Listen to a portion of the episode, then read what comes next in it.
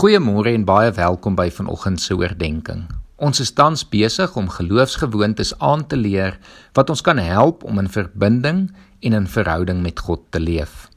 Ek hoop elkeen van julle het 'n goeie nagrus gehad en ek hoop julle het gister se geloofsgewoonte van afsondering geniet.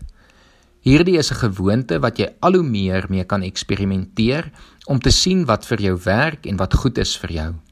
Afsondering is 'n gewoonte wat met verskeie aktiwiteite gepaard kan gaan. Ek self hou byvoorbeeld daarvan om op my eie te gaan hardloop en so in die hardloop met die Here te praat.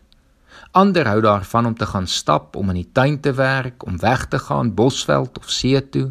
En al hierdie en nog meer is opsies. Die enigste kriteria is dat dit jou op eie in afsondering, maar saam met die Here sal wees. Dit help nie as ons nie God deel maak van die aktiwiteit en ons afsondering nie.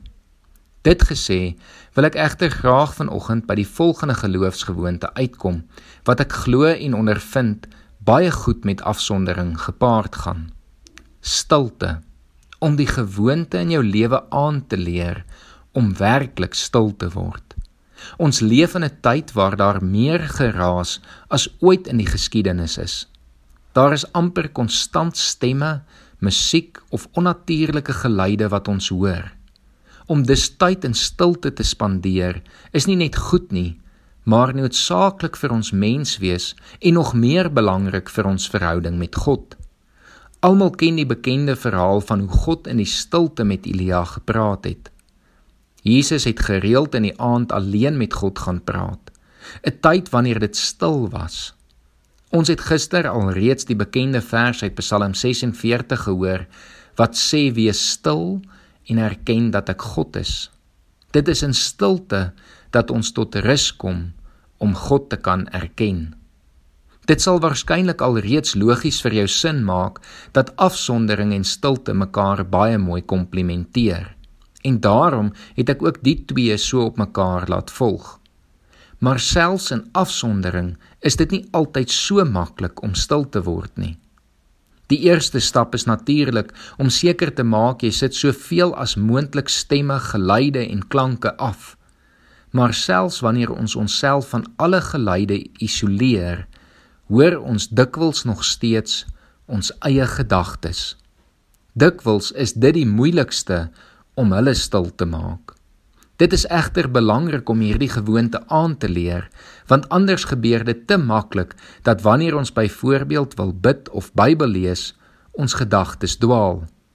Ek het die gewoonte ontwikkel om dus voor ek bid of voor ek Bybel lees, eers stil te word en my gedagtes toe te laat om te dwaal. Maar elke gedagte dan in gebed aan God oor te gee.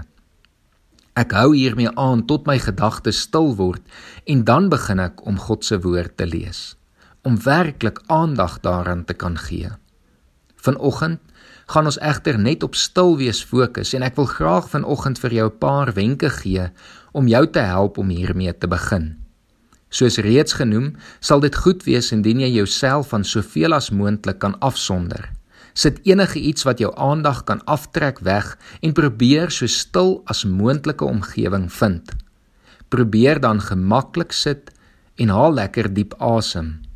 Laat toe dat jou gedagtes vir 'n oomblik dwaal, maar bly bewus van dit waaraan jy dink en begin dan stelselmatig oor elke gedagte bid en gee dit oor aan God. Probeer jou gedagtes dan al hoe meer op God fokus tot jy agterkom dit dwaal nie meer nie. In hierdie oomblikke hoef jy dan niks te doen nie. Jy kan net in God se teenwoordigheid wees. Al kan jy vandag net 1 minuut in totale stilte spandeer, sal dit wonderlik wees. Soos jy dit meer gereeld doen, sal dit makliker word.